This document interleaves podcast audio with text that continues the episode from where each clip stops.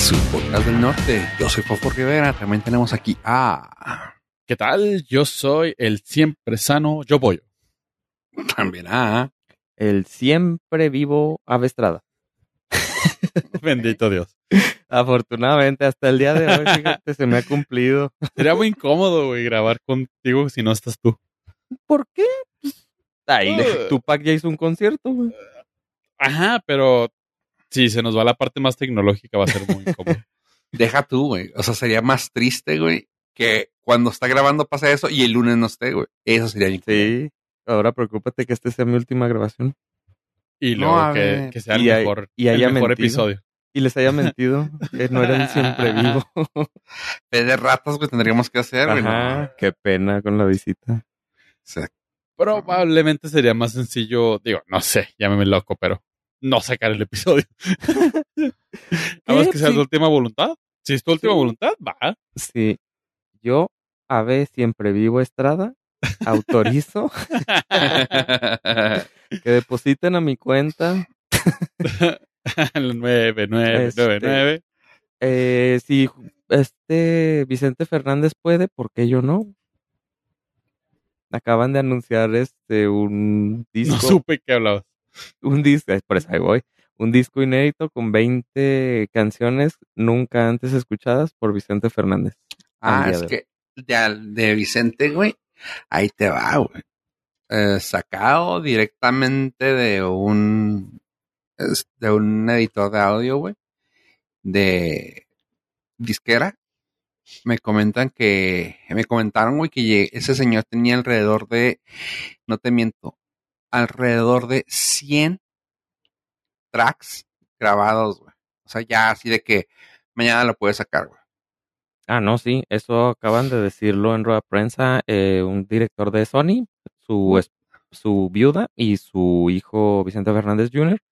El señor, hasta lo que dijeron ellos, 200 tracks que van a empezar a sacar paulatinamente, pues supongo cuando se les Se saca el acabando el dinero. dinero. sí. Wow. No, sí, que- no.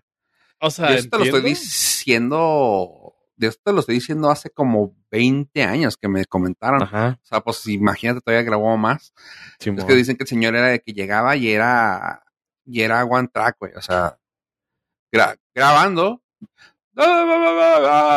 Listo. Esto es lo menos que se vela. Y ya así de que no quiere grabar, no, listo, la que sigue. Ah, la que sigue. Ah, Ajá, güey. Y tú no mames, güey. O sea, el vato era una máquina de sacar canciones, güey. Y listo. Así que, pues, imagínate, güey. Vamos a tener aquí el estudio por tres horas. Ah, Salen, salen 45 minutos. Aparte está perrón porque con el handicap de que la gente va a mamar lo que saques, no importa qué. La rola puede estar espantosa y por ser algo nuevo vas a decir cinema. Ajá, pues, y ya como lo criticas, o sea, pues, Arte. el señor ya falleció, o sea, ya. Y por justa razón. Y, Esa rola no estuvo chida. y aparte, creo que fue buena estrategia porque te- to- lo hizo yo creo cuando tenía todavía su voz buena. Entonces fue como que Qué. Ajá, sí, no te va a sonar así como en el último. O sea, sí, pero no. O sea, somos realmente cínicos y despiadados. La rola no pasó el control de calidad de Vicente Fernández para verla sacar en un disco. Pero, Pues en teoría sí, pues si la grabó para que la sacaran póstuma. no, no, no. No creo que su intención haya sido que la hayan sacado. Eso viene siendo lo que es el sucio cochino dinero por parte de su familia. Porque también, seamos sinceros, no estás diciendo Alejandro Fernández la va a sacar porque necesita dinero. No, o sea, es el otro güey que no jalan en, ni Sí, madre. Entonces, el vato que no tiene futuro ni talento, pues dice, ah, no, mi legado va a ser explotar las canciones que no valieron madre de mi jefe. Y de mí no vas a estar hablando. Mi jefe ni canta para empezar. Pero puede. Inteligencia si artificial, quisiera, paps, si quisiera, ¿verdad? podría sacar un. Si los de Garibaldi track. cantaban, Oye, ¿Sí qué? si los de Garibaldi cantaban. Oh. deja tú, no solamente cantaban, tenían éxitos internacionales. Como por ejemplo, La bolita. La Sube, banana. Sube, sube. Banana. Mm, banana. Exactamente. Entonces, Mira, que nosotros tengamos ahí unos episodios y los saquen cuando no. Sí. Ah, no, yo voy a lucrar con su imagen y todo. De una vez les digo. Con su audio. Pues creo que hay suficiente contenido como para poder hacerlo. Sí. Uf, uf. Espero no tengan una bóveda como Ricky Ricón en la que tenían que dar una contraseña con su voz. Ah, si no, ya sería súper sencillo. eh. Sí. Súper. Probablemente ya tengamos hasta las palabras grabadas, güey. Nomás cosa de hacer el remix, güey. No probablemente, estoy seguro. Seguro, güey. Tú, de Sí, o sea, con- 325, uf, Hemos hablado incluso palabras que no existían. Ah, sí, güey. Entonces- Y ya se la saben. Una ya sí era Oyoless. No, vaya. Oyoles. Lunigazos, por ejemplo. ¿Y Lunigazos, tú? La de Fofo era una de concha, ¿no? Ah, Concha de tu madre. No. no, sí me quiero acordar, pero sí también. Entonces, cada quien tiene su palabra. Ah, era un pan, ¿no? Conchayete, Con chayete. el famosísimo conchayete, güey. Conchayete. Con chayete es, o sea, por donde lo veas es un win. Sí. No veo fallas en la lógica de Fofo y menos en- con su experiencia. Ok, voy a tener que escuchar ese, ese episodio 274. Yo creí que ibas a decir, voy a tener que cambiar la contraseña. Conchayete No, 1, 2, 3. Es que es con Y, güey. Con chayete con, con gallo. Sí. Oye. Pues a ver, a ver, platícanos. ¿Qué hay nuevo en el mundo de tecnología? Ah, y traigo, y traigo, es el chisme, el tecnochisme. Hoy les A vengo manejando lo que viene siendo más que nada el tecnochisme con la novedad de ¿Es que algo de la tecnocumbia? mm, es el primo lejano, Ah, bueno, cercano. Que no lo platicamos aquí porque fue así como súper irrelevante y fue nada más un, un maderazo, así como un tuitazo de que Elon Musk le cantó un tiro a Mark Zuckerberg. O no, más bien, Mark Zuckerberg subió una foto a, no supongo a Facebook o Twitter o Instagram, donde estaba entrenando eh, Jiu-Jitsu, creo que entrena. Y Simón. alguien le puso, hey Elon Musk, un eh, aviente este un tiro con este vato, porque creo que Elon Musk a lo mejor algún día dijo que estaba entrenando también Jiu-Jitsu. Y le puso, arre, va. Pero eso se murió en, al siguiente día porque se rumora que la mamá de Elon Musk le dijo, no, no seas tonto, o sea, no te vayas a pelear con nadie. y el, el, ¿qué es? Dueño, director, jefe de la UFC, este Dana White. Simón. eh, Creador. creador, les dijo, ah, yo lo organizo. Pues, O sea, supongo sabe algo de peleas, en- Y de ¿Crees? espectáculo. creo. Entonces también, se- o sea, él lo quería organizar y fue cuando la mamá de Elon Musk dijo, no, no, no, no, no, no. paren ahí su borlote ya se esfumó esa idea. Pero hace unos días, de la semana pasada, eh, volvió a salir Elon Musk cacareando que sí se iba a armar el tiro entre Elon Musk y Mark Zuckerberg. ¿Se acuerdan cuando antes los millonarios se peleaban con proyectos espaciales? Sí. Pues ahora van a ser con golpes reales. Este, Elon Musk está tuiteando que se lleva una, una mancuerna a todos lados que va para empezar a hacer ejercicio porque él es un hombre muy ocupado y no tiene tiempo Oh, de entrenar. Y Mark Zuckerberg, mientras tanto, sube fotos a Instagram y a Threads donde se está agarrando a catorrazos. Incluso no, si pu- buscan en YouTube, existe un video de Mark Zuckerberg y Lex Friedman, un podcastero que eh, se aventó un tiro de, entrenamiento con Mark Zuckerberg. Eh, obviamente el podcastero le ganó porque lleva como casi 10 años entrenando y Mark Zuckerberg lleva como 4, pero aún así es, o sea, los comentarios que yo leí de otros inexpertos como yo es de que pues sí se ve que sí la mueve. Para esto, pues todas las apuestas ya están con que le van a Mark Zuckerberg por su edad, Sí. más que nada. o sea, porque Ah, yo- lo- el otro vato sí se ve bien bofo, Elon Musk. No, sí, o su, sea, edad, su edad y su experiencia. O sea, el, va- el Mars, o sea, a lo mejor no sea el mejor UFCista, pero sí tiene mucho añito entrenando chingón. Ajá. Y, o sea, sí es un pues, vato cinta negra en Jiu-Jitsu, güey. Sí, sí, sí. Y pues no sé qué tanto sea Elon Musk, ¿verdad? Y- o mentira. Porque pues ya ves puro no le gusta. Bluff, güey. Mira, ahí te van algunos datos. Edad, Mark Zuckerberg tiene 39, Elon Musk 51. desde Eh, ahí. Ajá. Eh, Mark Zuckerberg son 5 pies con 7 pulgadas. Déjame hago la conversión. Son 1.7 metros.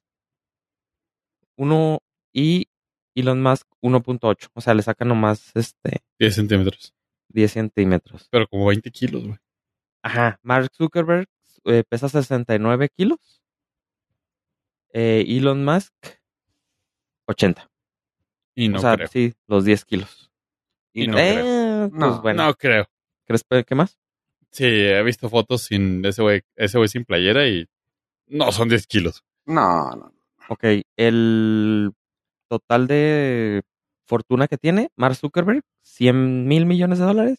Elon Musk, 236 mil millones de dólares. Tampoco creo ya, güey, con lo de Twitter. Eh, nacionalidad, pues Mark Zuckerberg americano, eh, Elon Musk surafricano. No lo creo tampoco. Ah, ok. Eh, su red social favorita, pues la de Mark Zuckerberg, Ah. Facebook, la de Elon Musk, Twitter. Mark Zuckerberg tiene tres hijos, Elon Musk tiene nueve, que sepamos. Eh, eh, Zuckerberg tiene una empresa, Elon Musk tiene siete. no, no significa que sean mejores o peores, sim- simplemente es el dato duro ahí directo.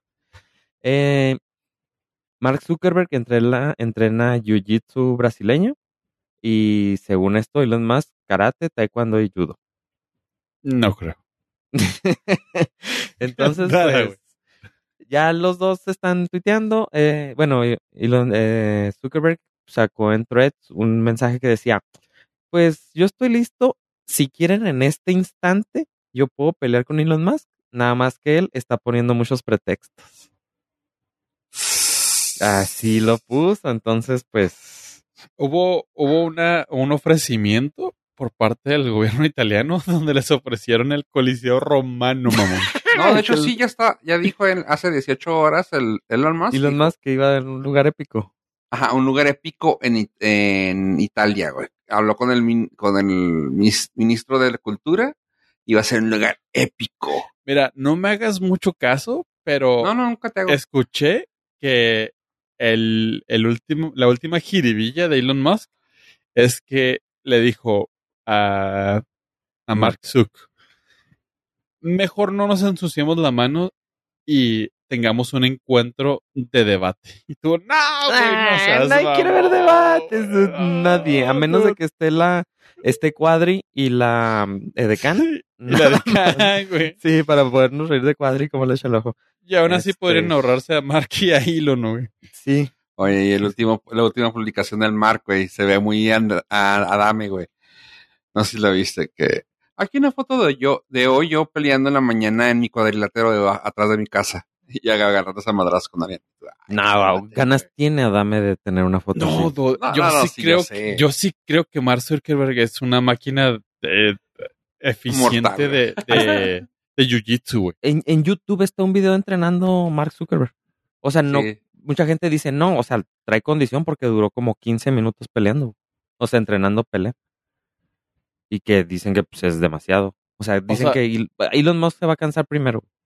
No, durísimo, güey. El vato es tan, tan pinche raro que, o sea, sí creo que haya contratado a los mejores para entrenar, güey. Elon Sí, Musk es más de bluff y tirar, Sí. tirar rollo y PR y todo. Este güey yo creo que sí lo hacía porque lo bulleaban, güey. Simón, sí, totalmente. Exactamente. Por Sí, o sea, tiene una motivación real, güey. Este güey, o sea, cada vez que peleaba decía, en tercero de primaria me hicieron bullying. Sí, porque le decían hinche visco. que me ves, pinche visco. Exactamente. Entonces, pues ahí está. Ah, también Elon Musk dijo, claro, vamos a live streamear la pelea y todas las ganancias van a ser para una, un lugar de beneficencia. A lo que Mark Zuckerberg le dijo, eh, ¿qué tal si lo transmitimos por un lado más neutro que no sea Twitter, dude? Y de todas maneras se dona para la beneficencia. Sí, porque Elon Musk lo quiere transmitir obviamente por Facebook. Por X. Sí. Pero oh, vamos a pasar por alto que la mamá de Elon Musk no lo dejó pelear. Ajá, sí. O sea, fue un pie de nota, Ah, pero fue algo que sucedió.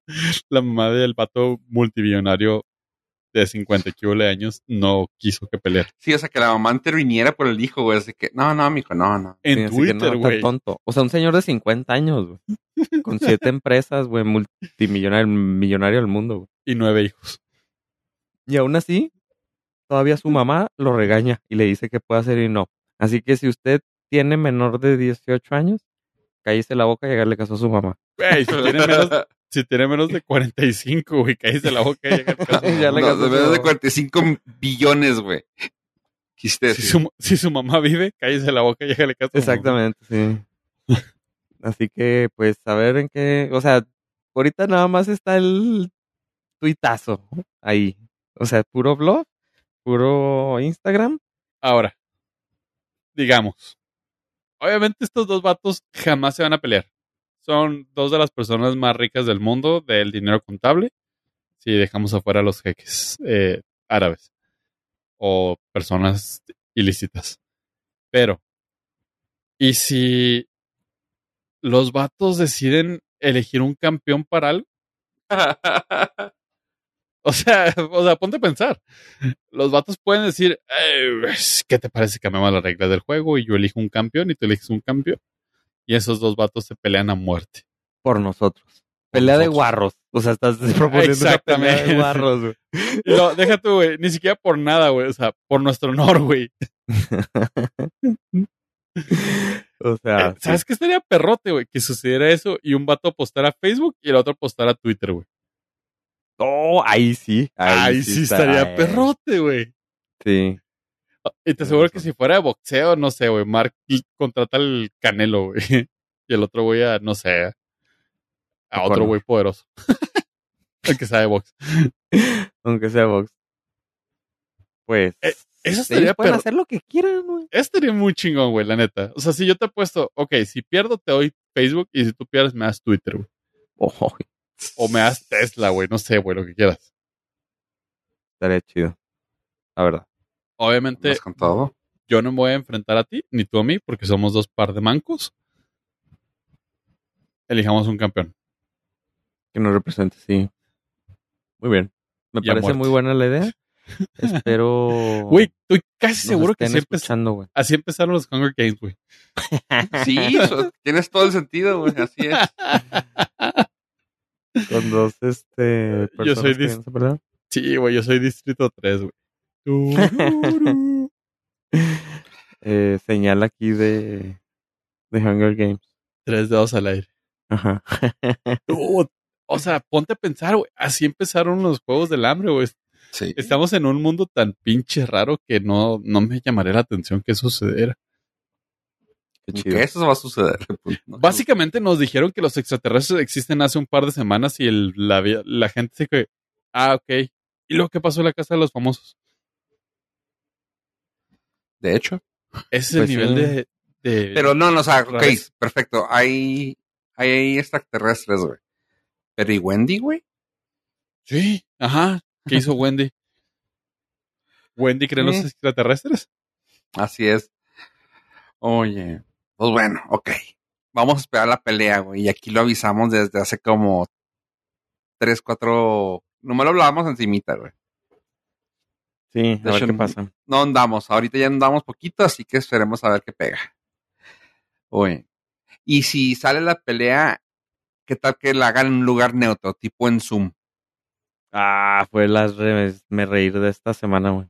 ¿Qué pasó? Porque, bueno, por varias cosas, pero la más graciosa fue porque empezaron a decirle a todos sus empleados que ya no podían trabajar por Zoom y tienen que regresar a las oficinas. Entonces todo el mundo así con cara de, "Mm, entonces, ¿para qué sirve Zoom si no pueden trabajar con él? Es como, los de Win eh, Microsoft diciendo, "Mm, ya no usen Windows, haga, usen otro sistema para... Usas el Linux, por favor. Sí, por, o sea, ay, las me reír de esta semana. Y aparte, tuvieron una pequeña, hubo una pequeña trifulquilla, obviamente nada más en internet, porque cambiaron sus términos y condiciones, sus, sí, sus términos y condiciones, en la cual había una cláusula que te, que les permitía utilizar el contenido que tú generaras en Zoom para entrenar inteligencias artificiales. Ah, mira, no le pierden. Ajá, a lo que todo el mundo dijo, ok, gracias por su privacidad. Porque ahora imagínate, ellos generan un lenguaje de, de modelo, un modelo de lenguaje con todo lo que escucharon en conversaciones por Zoom. O sea, puede contener secretos corporativos. Corporativos completamente, sí. Ajá, entonces eh, estaba muy truculento. Nada más eso duró una semana al momento de esta grabación. Ya cambiaron los términos y dicen que no van a utilizar el contenido de ninguna conversación. A lo cual, pues no sé qué van a utilizar, pero pues bien por ellos. Pero sí, entonces nosotros como Zoom quedan prohibidos escuchar podcast. Pero no, te, no se te hace más extraño que digan no vamos a utilizar nada cuando siento que es exactamente lo que van a hacer. Pues ya ahí se meterían en problemas legales, de los de school. Y pues, ¿O no? por. Si no o sea, una descubren, cosa es lo que tú digas y otra cosa es lo que lo que viene ahí firmadito. Pues, en teoría. Suponiendo que siguen la ley. que quieren seguir la ley. Ajá, ¿De Sí, qué pues país? sí. exactamente. Todo eso queda en el supuesto de que sean personas de bien. No es ironía, cual no es cierto. ¿Qué, qué, qué necesidad de que la gente regrese a lo presencial? Sí, hay mucho, o sea, es que hay mucho interés por las, los millonarios que compraron cinco departamentos, paps, y vives de uno, de vives en uno y, con, y los de vives de resto los de los otros. cuatro, güey. Ajá, están obviamente los que compraron oficinas necesitan que no se devalúen sus negocios, o sea, sus bienes raíces. Entonces, por eso quieren que todo el mundo vuelva a las oficinas, porque esas oficinas pues las compraron y pues, se están devaluando porque nadie las va a querer usar después. Pues nos habías comentado, ¿no? Que Google compró un, un hotel en las instalaciones ya Y- sí, o sea, tenía un hotel, no sé para qué, y se los va a ofrecer a los empleados para que se vayan a vivir al hotel a un lado de... O, o sea, puedes Qué ir a chingón. Google caminando del hotel, porque es un hotel de Google. Entonces, pues sería una... Una Una raya. tienda de raya, ajá, volveríamos a los caciques en los que ellos te pagan con y tú le devuelves su dinero ahí mismo.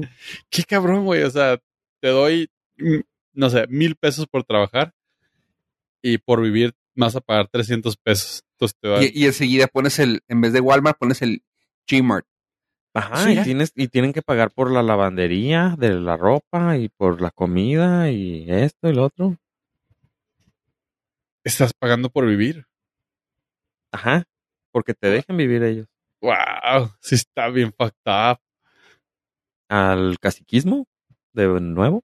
Disfrazado de felicidad y más barato que el Sí. mercado. Al, regresamos a los 1800. Dude, qué, qué fucked up está. Pensar que la, las personas post Segunda Guerra Mundial, una familia con un sueldo de oficio, podían comprar casa y mandar a sus hijos a la universidad. Sí, ahí tenemos Un a Homero oficio, Simpson. Un oficio. Homero Simpson nunca terminó la universidad. Ajá. Ándale. Y mantenía tres hijos y una Tres esposa. hijos. Y fue al espacio. Y su vicio. Y su vicio, aparte del alcoholismo y su alcoholismo. y su obesidad. Ajá. Llamó. Llamó. Sí. Y aparte tenía club de boliche. Ay, no, el señor Fifi.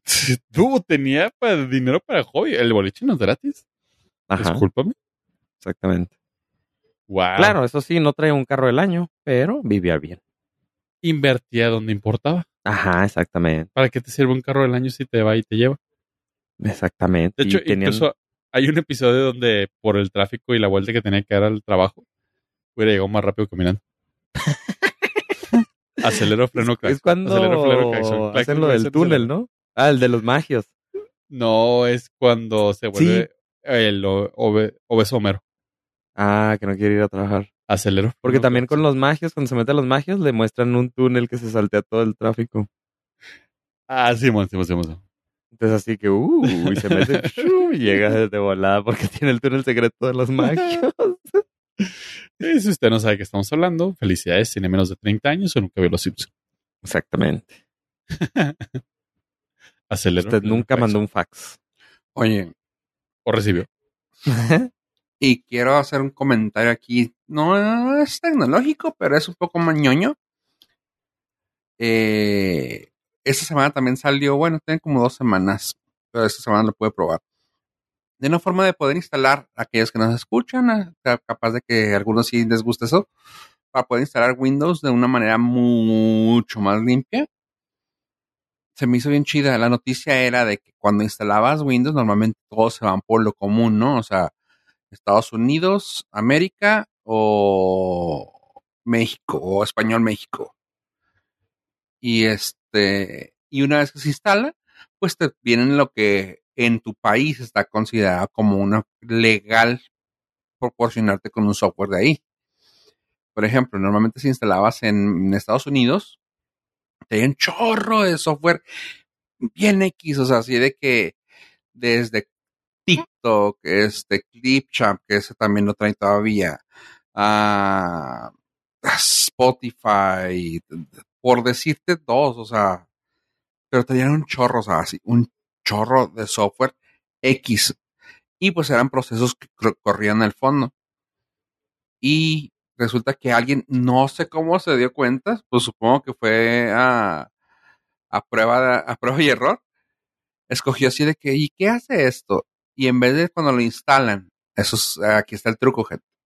En vez de cuando lo instalan, escojan Estados Unidos o México, escojan inglés mundo, inglés world, English world. Una vez que lo instalan, siguen toda la instalación, les va a salir que el problema de, de región, le dan a omitir o skip, ponen sus datos y cuando empieza su Windows es una instalación súper limpia de Windows que trabaja bien, o sea, no tengo ningún problema. Y si quieren utilizar la tienda de Windows, que pues si les gusta aprender, busquen cómo poder instalar instala- ah, cosas desde la terminal y ya tienen que utilizar la, la tienda. Pero si no, nomás es cuestión de ponerle región y volverlo a cambiar una vez que esté instalado Windows. Y ya, automáticamente tienen todo limpio y ya nomás instalan todo desde cero, desde la tienda. Pero se me hizo bien chido, o sea, lo traigo a colación porque se me hizo algo muy, muy padre en vez de tener que, para los que saben, instalarlo y luego tener que correr un, un script que haga de loading de todo, que quiten toda la basura. Se me hizo una cosa muy chida, así que quería traer la colación porque así se me hizo una forma muy limpia de poder hacer las cosas sin tener que utilizar cosas de terceros. Sí, cómo se extraña la instalada limpia de Windows 98. no, no specs. Oye, y hablando de cosas raras y todo eso, creo que Pollo trae más cosas raras de miedo de software. Pollo. Traigo lo que viene siendo la kriptonita de Adobe o inteligencia artificial. Ah, creí que hilaridad. No, ese no es tu kriptonita, güey, esa es tu motivación. No, no sé. Cada día te Necesito- levantas necesito para calarme. Porque igual y cuando la vea me debilito. Probablemente después. Pero antes, no creo. Chavos, durante semanas hemos eh, estado hablando ya de lo que es el ChatGPT y todo el desmadre que se armó con la inteligencia artificial. Pues bueno, hemos dicho que puede ser bueno, puede ser malo, puede ser regular, puede ser a veces, puede ser no siempre. Sin embargo, eh, ahorita la Universidad de Stanford y ah, Google han creado un experimento que se me hizo bastante gracioso y al mismo tiempo posiblemente preocupante. Porque creó un, una aldea virtual donde, y quote, quote, viven 25 bots que son autónomos y con el Machine Learning los vatos están desarrollándose ahí libremente a su libre albedrío. Están creando patrones y tomando decisiones con base en lo que van aprendiendo. Se preguntarán, ¿por qué es importante? Porque los vatos están comportando de una manera extrañamente familiar, como el ser humano. Y ahorita están en el punto donde eh, ya tienen rutinas definidas, se levantan, se lavan, la- se lavan los dientes, desayunan, se van a trabajar. ¿Para qué trabajan? No tengo la menor pinche idea, pero se van a trabajar. Empiezan a socializar, ya tienen, ya tienen referencia de quién cumple años, quién no. Y hasta donde se quedó el artículo, los vatos estaban por tener una elección de alcalde. Ok. Es como un Sims. Es como un Sims que se mueve solo. Ah, eh, eh, yo lo pondría como entre Black Mirror y Free Guy, donde los NPCs Ajá. se dan cuenta que son NPCs y empiezan les a vale. tomar decisiones. O sí, o sea, y no les importa. O sea, sí, soy. NPC, pero necesitamos un alcalde para que nos gobierne. Da, da, da. Pero Y, pues, siento tú que tengo, años. ajá, siento que tengo un libre albedrío. Pero aunque dentro. no. Eh, está- nos estás describiendo. También nosotros sentimos que tenemos un libre albedrío, güey. ¿O no? Pero no. Puede ser que no. Ajá. Puede que no. ¿Estamos en un sandbox de alguien? Está muy cabrón. Podemos ser, ah, podemos ser el experimento social de, de, de una computadora de un vato que vive en el sótano del, de Ajá. una casa con Mo. ¿Y nos importa? Probablemente no? si supiéramos, Pero aunque no? te lo dijera, pues, ¿qué vas a hacer? serías consciente de tu propia existencia. Pues sí, o sea, ok, soy el experimento, pues tengo que seguir comiendo.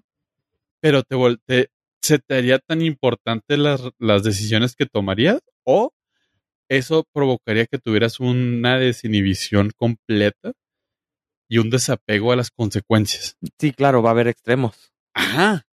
Pero los que no van, van muy probablemente sigamos en como estamos. Bueno, eso se, esto ya metiéndonos aquí al pinche mami y el de Braille, estaba escuchando una de las teorías de, de Matrix que me voló la cabeza y me hizo completamente sentido. Donde la película de Matrix, ¿no? La normal, la que todo el mundo hemos visto. Si Ajá. te tomas la pastilla azul o roja y la chingada, si te tomas la roja, sigues en el mundo de la Matrix, tomas la otra, te despiertas, ¿no? Ok. Dice, pero ¿estás consciente que la máquina perfecta tiene el sistema más imperfecto del mundo donde si te decides despertar, vas a poderte salir de tu capullo y escapar de la realidad? ¿Por qué?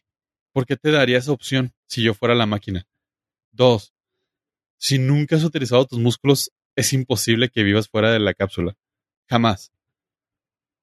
Dice, el punto donde te despiertas es simplemente un subnivel de la Matrix donde tú sientes que te estás despertando, donde tienes la ilusión de que tienes la libertad. Yo, oh, la verga. Tiene todo el sentido del mundo. Ajá, crearon un sistema perfecto en el cual tienen esa salida para que sigas. Para los vatos que se sienten que están atrapados, Ajá. que viven, que viven ya en la, los, la Matrix. los haces creer que ya están liberados, pero siguen produciendo. Siguen estando eh, dentro del capullo, Ajá. porque no tendría ningún pinche sentido si tú eres la, la batería, uno que si tenga la, la, la oportunidad de liberarte, ¿para qué? Simón, Ten- sí, es como na- cuando te asaltan y que das un celular decoy. Pues sí, es un decoy lo que estás explicando. Sí, es un decoy completamente. Siento que aquí funcionaría un poquito igual de... ¿Quieres saber si realmente vives en la ilusión? Pues, ¿de qué me serviría despertar de la ilusión? Sí, ¿De sigo poco? aquí. Ajá. Pues acuérdense que eso era eh, con el Merovingian cuando le comentan, ¿para qué quiero despertar, güey? Si aquí tengo carne y, y papas y... Ah, no, ese fue el traidor. este- Sí, el que, pero que cuando está hablando con él, el De la traidor de primera. lentes, ajá. Ajá. Pero no, pero no es el Merovingian, el Merovingian ese... No, no, pero hablan con él, ¿no? Le está, el No, negocio está es con, con ellos dos. Smith. Con un agente. Ah, con. Agent Smith. Los que lo van a sacar con cuando le entreguen a Neo. Simón, Sí, yo pensé que sí que estaba le hablando con dice- Merovingian. Ajá. Te regreso a la Matrix para que vivas chin chingón. Ajá. Pero le dice, pues sí, pero hazme, dame varo y, o sea, manténme chido en la Matrix. Ponme una vida chingona en la Matrix. Sí, pues sí, que convenga.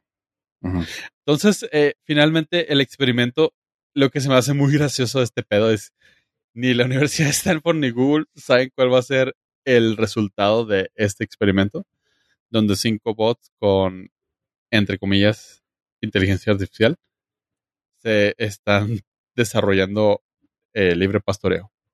GM, GMO free, Pues es el juego de la vida 2023. totalmente.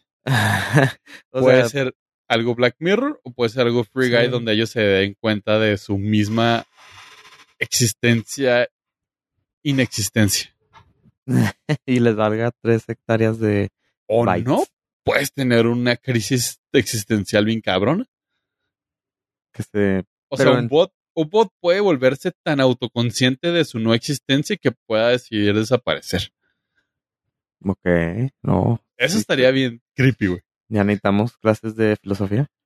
Es que para la- el desarrollo de inteligencia artificial para, para allá va. O sea, no es nada más que la psique humana.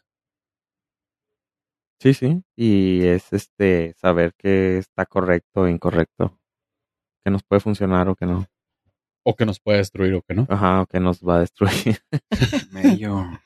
Pero, o sea, también aprovechando parte del movimiento de la inteligencia artificial, una de las cosas que sí está chida es que han utilizado esta, pues, este boom tecnológico para alimentar bases de datos y un centro observatorio astrónomo en Chile, ah, pues fue, digamos que actualizado con un programa, un software que utiliza inteligencia artificial para buscar, analizar y rastrear trayectorias de asteroides. Y descubrió que uno va a pasar bien pinche cerca de la Tierra. o sea que todo lo que estabas diciendo que es ya no nos debe de interesar. Más o menos. Ya no tiene sentido la vida. Mm, Más o menos. Este asteroide bautizado como 2022 SF289 Y fue detectado por el programa Helio Lins 3D. Y es un asteroide que no se tenía registro, mide aproximadamente 180 metros de ancho y va a pasar a 225 mil kilómetros de la Tierra. Vas a decir, dude, eso es más lejos que de Juárez a Chihuahua. Sí, técnicamente sí. Pero es más cerca de lo que está la, la- la Luna a la Tierra, lo cual lo vuelve en un asteroide potencialmente peligroso. Y no estoy mamando, sí, así son las siglas. PHA, por siglas en inglés. Potential Harm Asteroid. asteroid. Ajá. Y esto se vuelve en el primer asteroide que ha sido detectado por inteligencia artificial como algo que casi nos parte la madre. Pero afortunadamente tenemos a Bruce Willis. Eh, Eh, teníamos. Sí, güey, yo no contaría con eso. No, el vato no se va a acordar, güey. Ah, ya no sabe cómo taladrar. No, güey, no, No, sabe cómo claro. vestirse, güey. Ah, Entonces, no, mm, yo no contaría con él. Probablemente con Jason Statham. Ese puede ser el, el sucesor de. Mira, pero de Ben Affleck ya hizo Level Up, güey, ya es Batman, güey, ya puede tirar chingazos chida, güey, así que... Probablemente sea él o Jason Statham. Cualquiera de los dos tienen mi voto para salvar el mundo. Güey, uno peleó contra un megalodón dos veces. Dos. Not no. once, but twice. Ah, Lo cual, eh, parte de lo que está muy interesante de todo este pedo es que ese software logró descubrir 3.000 nuevos asteroides potencialmente peligrosos.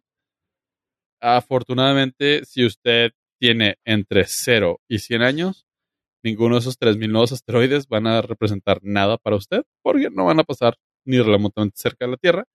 Sin embargo, sí está muy cagado que ningún ser humano había podido proyectar ese, esas trayectorias hasta que llegó la inteligencia artificial, aunque Ave le dé comenzó. Sí, pues es para lo que debería servir, no para este ponerse a hacer otros humano, humanoides. y bueno, como voy en escala ascendente de buenas noticias, primero el fin del mundo con Black Mirror y el jueguito de, de Stanford y Google, pasando por los asteroides y la inteligencia artificial. Vamos a cerrar con algo que realmente sí tendría un impacto cuantificable a corto, mediano y largo plazo. Y es que Google Research han hecho una investigación y esto sí está bien perrote, güey. Ah, que nos podamos morir por un asteroide, no. Ah, porque eso sería, eso sería rápido y estaría chingón. honestamente. Ah, Google Research ha hecho un estudio muy específico acerca del impacto climatológico que tienen los contrails o las estelas de los aviones. ¿Quiere decir que sí es verdad? Ajá. Pero no son provocadas por tanques de. Ay, güey. Iba a decir de, de cosas nocivas y tóxicas, pero sí, o sea, sí tienen. Sí, o sea, son tanques que vuelan. o sea, sí son, son contaminantes al, al mundo y está tan fucked up que la aviación mundial, los eh, la, las estelas que provocan los aviones contribuyen al 35% del calentamiento global. Thank you. 35%, güey. Es un chingo, güey. Sí, y uno aquí, este. Cuidando un popotes, güey. popote, güey. sí, güey. O- o, ay, tiré una servilleta en la orgánica. No, no reciclé la cáscara de limón. Sí, no, no, tienes. eh, Nuestra. Nuestra cultura ecológica tiene cero impacto ante las corporaciones y los viajes en avión. Mira, no soy tan ciego como tú. Me gustaría pensar que es por lo menos el 1% de impacto. Sí, el 1%, pero si ellos deja, si dejáramos de volar, sería el 35, así es. 35% de putazo, güey. Sí, sí, o sea, podíamos revertir eh, el cambio climático en un mes. No es broma. Eh, La pandemia, Ajá, o sea, los Ayudó. delfines regresaron a Venecia, güey. ajá, por ejemplo. En un mes que se paró la actividad humana comercial, había delfines en Venecia por el Imagínate. pinche amor de Dios. Pero Sad. sí, sad but Sí, true. Sadney. Pero bueno, ya obviamente el mundo no se va a volver a parar, así que hay que Eh, hacer. cada 100 años. Ajá, o sea, no Llevamos por un, razón. un récord de como de cada 100 años. Deja tú, hemos vivido, esta generación ha vivido más pinches finales del mundo que. Sí, dos Las papas, últimas, sí. este, cosas así, güey. Y prácticamente dos guerras frías, güey. Sí, cambios de tecnologías así importantes. Calentamiento global, desastres naturales, pero bueno. Sí. Oye, pero se, ayudamos a cerrar la capa de ozono. Eso sí, no pueden decir que no. Exactamente. O sea, no pueden decir que no se puede, porque sí, si quisiéramos, sí se puede. La capa de ozono, ya sus hoyitos están Cerrada. cerraditos. Cerrada. Y aparte capturamos al chupacabras. Hijo, no. Pues, No viste esa película todavía. Para el ese documental, perdón. Ah, pero déjame les explico cómo funciona este pedo de la inteligencia artificial y los contrails. Ah, básicamente lo que hizo Google es que no estuvo tan pelada como parece, pero los satélites que están alrededor del mundo toman un chingo de fotos, pero chingo. ¿A Antes no había la suficiente capacidad humana para poder analizar todas esas fotos. Las estelas que ustedes ven de los aviones son cristales de hielo que se provocan por las altas temperaturas de los motores que al momento de pasar y la alta humedad se crean esos, esos ice crystals, esos cristales de hielo.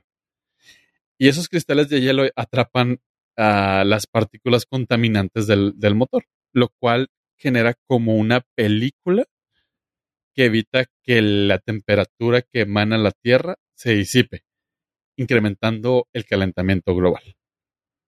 ¿Ok? Ok. Muy bien. Esas, estas zonas de estelas, si se, no sé si ustedes han tenido la oportunidad de voltear al cielo de vez en cuando, fuera de buscar a Superman, y ver esas rayitas o líneas que Charlie Sheen consideraría deliciosas. Maradona. que desde el Maradona cielo también. Exactamente. Esas, esas deliciosas y, y apetecibles líneas no siempre están formadas y eso tiene que ver directamente con la humedad. Y Google Research ha estado estudiando durante ya harto tiempo y no había podido conseguir hasta que está empleando este tipo de inteligencia artificial para leer, entender y analizar los datos meteorológicos al momento y poderles ofrecer a las aerolíneas ni siquiera diferentes rutas, diferentes niveles de vuelo. ¿Y a qué me refiero con niveles? Diferente Oh. altitud en la cual volar. Y si un avión, por ejemplo, datos así muy, muy básicos o muy rough, así, si desciende 2000 pies, sale de esa capa de humedad y no crea esos, esos, eh, esas estelas, evitando que existan esos contrails que hacen que el calentamiento global empeorezca. Ok. Lo cabrón fue que durante años la inteligencia artificial no podía diferenciar entre un tipo de nube y las estelas, por lo cual un chingo de humanos se dedicaron a entrenarla. Probablemente usted y yo también. En los Ah. captchas. Ajá, sí, claro. Simón. y, Mm. Qué chido. Ajá. Que Y ahora- algo. y ahora tienen ya esa posibilidad donde si se lleva a cabo a nivel global, podría ser uno de los impactos directos sobre el calentamiento global más eficientes fuera de la captación de carbono en máquinas. Nice. Qué chido. Sí, está perrón. gusta. Sí, pues sí. O sea, sí, cosas que nos sirvan, no que nos afecten, que nos van a echar a perder. Está muy cabrón porque uno podría pensar, digo, a grandes rasgos, si tú no vuelas a tu altitud óptima, consumes más combustible. Ok, puede que sí consumas un poquito más de combustible, que es una práctica de cualquier manera que es común. Si hay turbulencia, tú sueles buscar un nivel de vuelo, aunque no sea el óptimo, para mayor comodidad. Pero un mayor consumo de combustible va a ser menos impacto mm, global, menos impacto ecológico, que si te mantienes en un- una ruta de vuelo donde generes esos estelas. Y eso está bien chingón. Nice. Sí, suena muy chido. Para, es algo que sí me. O sea, no le veía futuro a este tipo de sistemas, pero parece que ya los empezaron a usar para lo que se debe. Para la paz mundial, para el beneficio del humano. Pues Sí. tantito. dude. O sea, Mira, ahorita ya hay un programa de eh, training o de trial, no sé cómo llamarlo, donde contrataron, bueno, hicieron una sociedad con American Airlines y de Ajá. 70 vuelos eh, donde hicieron la prueba, lograron reduc- reducir el 54% de las formaciones de estelas. Y únicamente el incremento de combustible fue el 2%, lo cual representa nada. o sea, sí puede ser Es factible, factible. muy factible que las los centros de control de vuelos de las empresas se alimenten con base en la información del de Google para ofrecerle a las tripulaciones a los pilotos una altitud óptima para contaminar menos. Está, está bien chingón porque ahorita ya no es qué nivel de vuelo es más eficiente, sino qué nivel de vuelo contamina menos. Ajá. Y sin que cueste tanto. sin que repercuta tanto, porque también sabemos que pinche aerolíneas, hijos de la chingada, te- todo eso te lo van a cobrar en el boleto. Ajá, sí. o sea, sí estoy ayudando que la planeta, pero pues con mi boleto de 2.500 dólares, pues está ganando. Aunque siendo sincero, si te dicen, no consumes popotes o le metes 10 dólares más a tu boleto de avión, ¿qué prefieres? Para hacer un impacto del 35% del calentamiento global. Pues no Pues- consumir popotes. Claramente. Ya me acostumbré. tortugas ninjas. ya Hay que matar una tortuga. Pero bueno, ese fue el como todo el abanico de, de opciones que ha habido recientemente con el update de inteligencia artificial, aunque hable de escosor. Y pasamos de algo muy tétrico que puede terminar con la extinción de la humanidad al volverse autoconscientes los 25 bots de la aldea a efectos prácticos y reales donde sí se está haciendo un verdadero impacto en la contaminación. ¿Cuánto, cuánto, cuál es nuestro green, ¿cómo se llama? Carbon, carbon footprint. Sí, eh, del podcast. Ah, no tengo idea. Hace que estamos contaminando más que los aviones. güey. No, creo que no. Más que los aviones, no. Más que el Ah, güey. popote puede ser. Ah, Güey, bueno. pod- podríamos incendiar Juárez, güey, con Ajá. petróleo, güey, contaminaríamos menos que un avión. Sí. Me cura Uno, cuando. Me cura cuando todos son muy este. Oye, hablando de, ¿qué onda con lo de Hawái? Ah, pues también contamina menos. Qué horrible, güey. Qué gacho. Al momento contamina menos que un avión. Sí, mire, usted sí es muy vegano. Si junta las tapitas de los de, de plástico, si todo es reciclable, utiliza plásticos de mucho uso, pero va a ver a Taylor Swift, va a ver a las Kardashian, o sea, o es fan de Elon Musk, cada vez que ellos viajan en avión, es- o sea, echa a perder lo que un humano promedio hizo como en un año de... en- en- Te van a decir las fans de Taylor Swift. Por eso no, no consumo Ajá. popotes, güey. Para dude. que ella vuele. No es pedo, pero hay una, hay una madre que se llama Run Up, donde pruebas que los motores funcionen bien antes de cuando los enciendes y todo. Un Run Up de un jet grande, o sea, un 757, 767, siete- o sea, ya de 200, 300 pasajeros, consume más que lo que la gente de la Ciudad de México en- un día, güey. Un Run Up o que contamina una más prueba de motor. ¿no? que una prueba de motor. Sí. Literal, güey.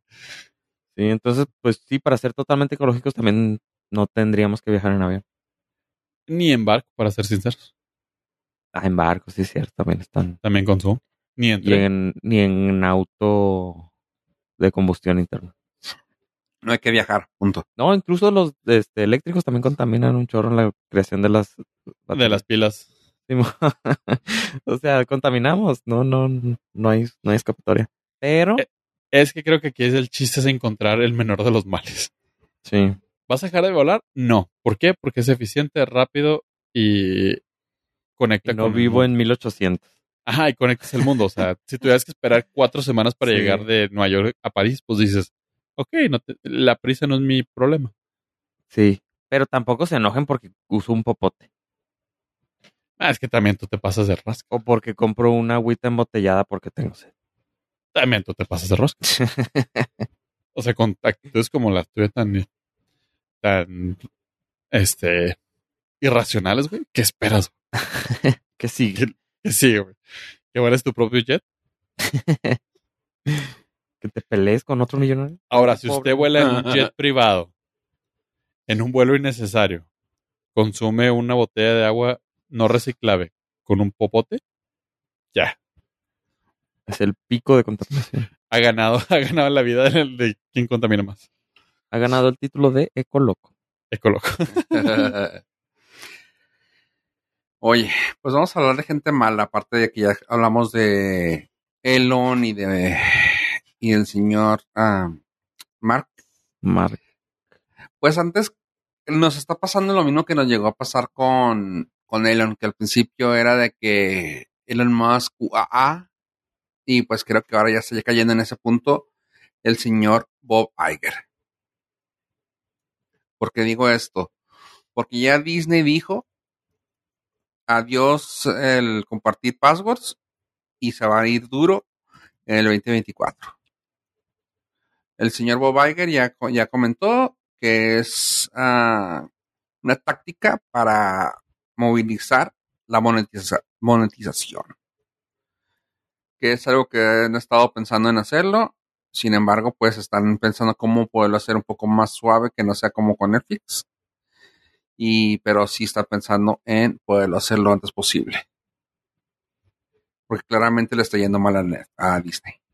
Sí, pues le está pasando lo mismo que a Elon Musk y de se cumple se puede cumplir el dicho que dice you either die a hero or you live enough to see yourself become a, become a villain.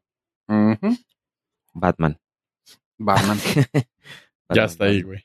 Ya es el villano. Sí, o sea, pues sí, eso nos pasa. Tú, o no cóbrame- conozcas a tus héroes. Sí, cóbrame por el número de streamings al mismo tiempo, güey. Ya, güey. Si quiero más de dos, dos pantallas al mismo tiempo, te pago una tercera, güey. No me cobres por dónde chingados la veo. Sí, la neta. Pues esto lo que era lo que hacía Netflix, ¿no? Te decía, Eso es lo que "Puedes hace hasta Net- cuatro. Ajá. No, así, ahorita ya no. No, no, o sea, eso es lo que hace Disney todavía, pero Ajá. que te valga madre dónde lo veo, güey.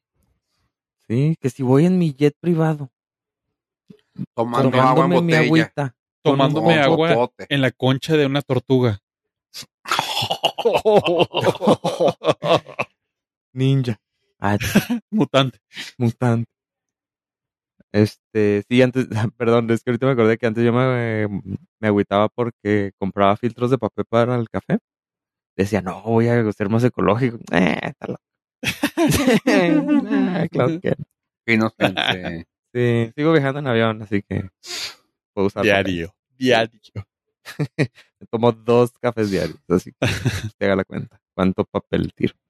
Está horrible, güey. Y Bob Iger eh, ha caído muy cabrón de la gracia de la gente por sus políticas recientes tan deshumanas. Esa es la palabra. El vato, o sea, siempre le ha importado el shareholder, pero antes se veía como el salvador, el mediador.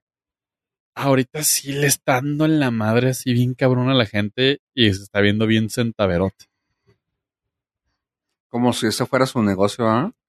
No, porque antes también era su negocio, pero el vato había salido muy bien. De hecho, había salido tan bien que muchas personas de niveles muy altos lo consideran presidenciable.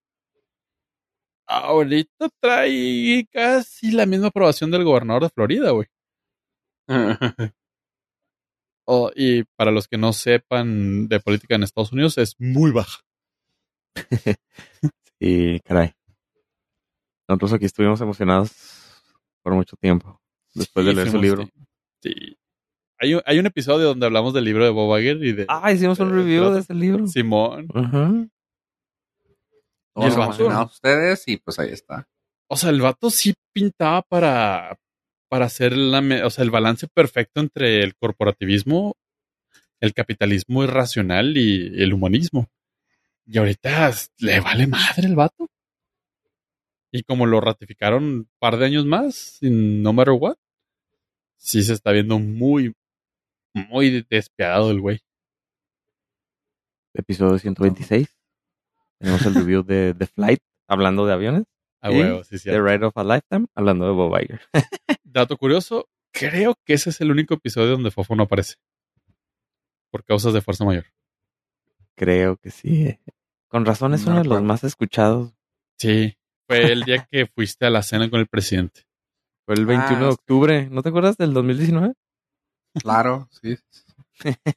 Creo que estabas preparando todo para la pandemia que venía. Correcto. ok. Oye, pues bueno. Eso fue nuestro señor Bob Iger que les comenté de que adiós son los, los contraseñas. Y quiero nomás hacer una pequeña, ah, pues, ¿qué les puedo decir? Revisada, revisit. Sí, pues vamos a decir revisada. Un- al la reseña que di de la última película de Jennifer Lawrence, la de No Hard Feelings. que es una romcom que les había comentado. Sí, sí es una romcom, pero también sirve más como un coming of age, donde el chavo, quien es Andrew Bart Feldman, no sé realmente en qué más haya salido. Mm, déjame ver, parece que está saliendo en la serie de High School Musical. Eh, pues, ¿Quieres que.? No sé qué decirles de la película. Está padre, pero se siente rara ver a esta chava, a Jennifer Lawrence, hacer un papel cómico porque, como que también ya se. No sé cómo explicarlo, está raro.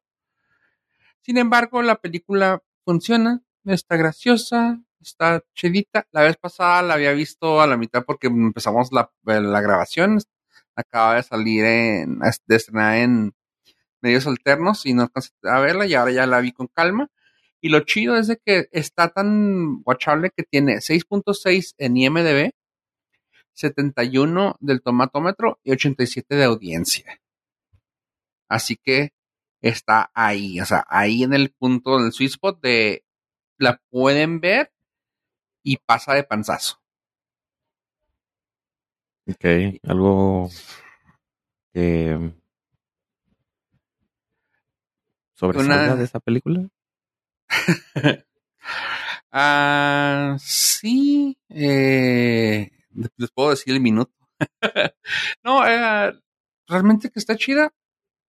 Mm, está padre que me, me gustó que termina de una manera que no esperabas.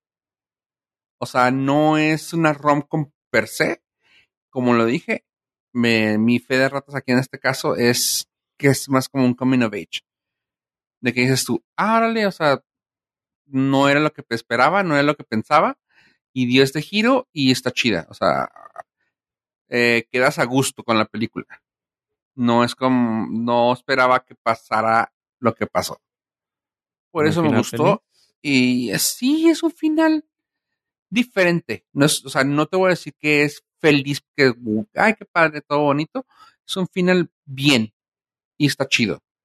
Los dos terminan bien, todo chido y ya si quieren ver así como que el hecho de, ah, no es familiar la película, ya que hay un, un par de desnudos ahí, eh, con el hecho de ser gracioso, porque no es un desnudo sexual, es un desnudo realmente gracioso. Vamos, se, se ven, en lo- creo que se alcanza a ver en los trailers, se desnuda para meterse a bañar en el mar y resulta que les van a robar la ropa y sale y se pelea. Está Jennifer Lawrence así en desnudo y se avienta hasta un suplex y tú, what the fudge? Está ¿Es un muy gracioso. Eh, que te agarran del, que te agarra, te abrazan y se avientan hacia atrás para aventarte contra Ah. el suelo. Ok. Sí, es una llave de, de, pues como de pelea. Ok. sí, está muy gracioso. Y está padre, pues está, está padre, vamos. Está raro ver a Jennifer Lawrence hacer esto, pero, ah, cómo no, está chida. Como digo, pasa de panzazo y eso ya lo pueden encontrar en sus mercados alternos. La otra es de la página que hemos estado hablando de, que también nos hizo enojarnos un tiempo, que es Netflix. Ahora lo que Ajá. estoy viendo que hace, ¿qué pasó? No, sí, te escucho. que ahora lo que estoy dándome cuenta que está haciendo Netflix es hacernos enojar haciendo películas una vez al año que agarran como de producción a alguien. Esta cura, ¿no? Porque creo que lo que hacen es agarran a alguien como productor. Vamos a decir que en este caso Adam Sandler. Ah, también creo que agarraron a, a Thor y a Gal Gadot y a Ryan Reynolds. Creo que son los que me acuerdo que los agarraban y así que aquí tienen billetes, denme películas. Ajá. y- sí, eso es básicamente eso. Y en este caso está suave la película, la puedo recomendar. Es Misión Imposible con mujer, básicamente. Se llama Heart of Stone. Eh, sale Gal Gadot. Eh, y es, vamos, güey, es punto, es Misión Imposible, güey. Me dio mucha risa que la portada se nota que no trae la producción que traería una película de cine, porque la portada a la vez no te dice nada, güey, o sea, nada. Normalmente cuando ves que hay producción y que hay marketing, que hay todo, güey, ves la película, ves la portada y dices tú, ah, huevo, la quiero ver. Y aquí es esta morra volteando a verte de reojo y atrás un helicóptero. Y he visto las otras portadas así alternas y es casi lo mismo. Es de que, güey, ¿veo? o sea, si me entiendes, ves la de, la Misión Imposible, que claramente pues estamos hablando de Misión Imposible, ¿verdad?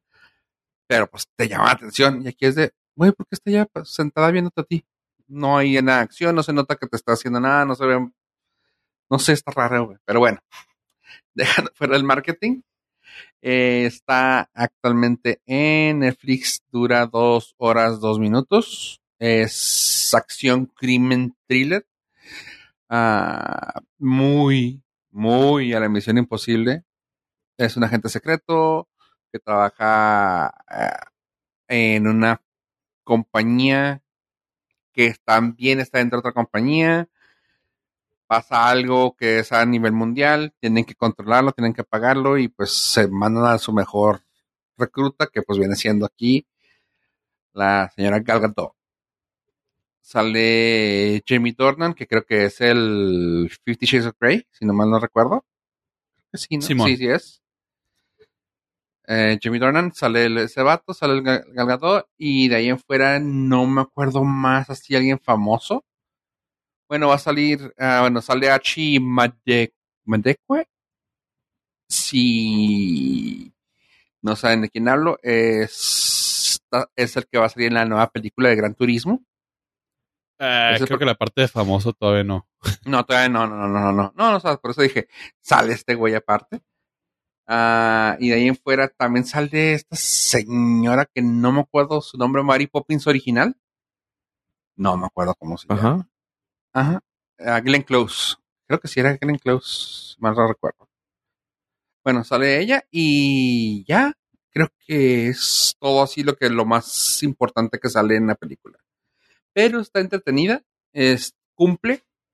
El nombre también es una cosa muy chafa porque, pues, entre todo, ella es apellida Stone y la, y la compañía donde trabaja se llama los corazones, así que Heart of Stone. Oh, wow, qué padre nombre, qué original. Digo, no está, no está tan difícil eso, pero bueno, Heart of Stone con Gal Gadot.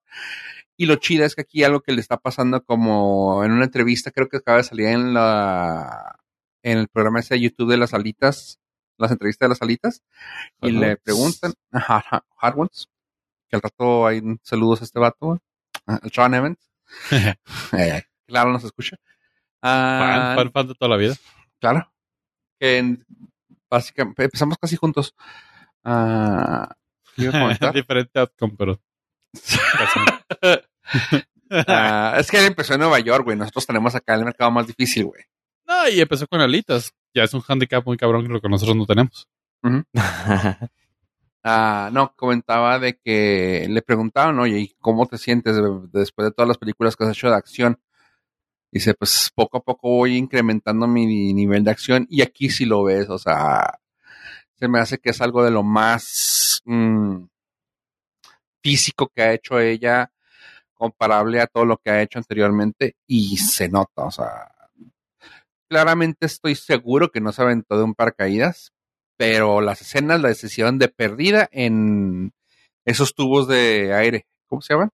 Pues sí, como el que pagas para que se sienta como que se para paracaídas o donde entrenan para las paracaídas. Porque si se alcanza a ver la presión, la caída, todo, o sea, sí, está bien filmado. O igual no es ella, nomás son un doble de paracaídas, pero está muy bien hecho. Y está entretenida, les digo, o sea, Lamentablemente, como es una película de acción, no es pasa, no tiene tan buen rating, pero tiene 5.5 en IMDb, 28 en los tomates y 68 de audiencia. Así que, me, o sea, pero está palomerota, o sea, la pueden ver y pues ahí está. ¿Sabes que siento que la gente no aprecia lo suficiente las películas de streaming? Pero es algo que cuando nosotros éramos jóvenes era el fenómeno de directo video. Que no son buenas películas, pero te entretienen chido, güey. Creo que esta, digo, sin haberla visto, y probablemente nunca más la, ver- la veré, pero siento que esta es una de las películas que son, o sea, valen madre como grandes películas, pero te entretienen lo suficiente como para justificar el- la mensualidad. Sí. Ándale. Creo que, creo que lo acabas de mencionar así como es. Eso es. Directo video. Ajá. Así que, pues ahí están las recomendaciones de esta semana. Chavos, ¿algo que quieran agregar a este bello podcast? A nuestro honor le decirles las gracias por habernos seguido hasta este preciso momento. No olviden seguirnos en todas nuestras redes de Mastodon. Y yo soy Yo Pollo. Señor Estrada. Por tu maldito amor. Yo fui Fuego Rivera. Esto fue el Nordcast 325. Gracias por escucharnos, gente. Adiós, adiós.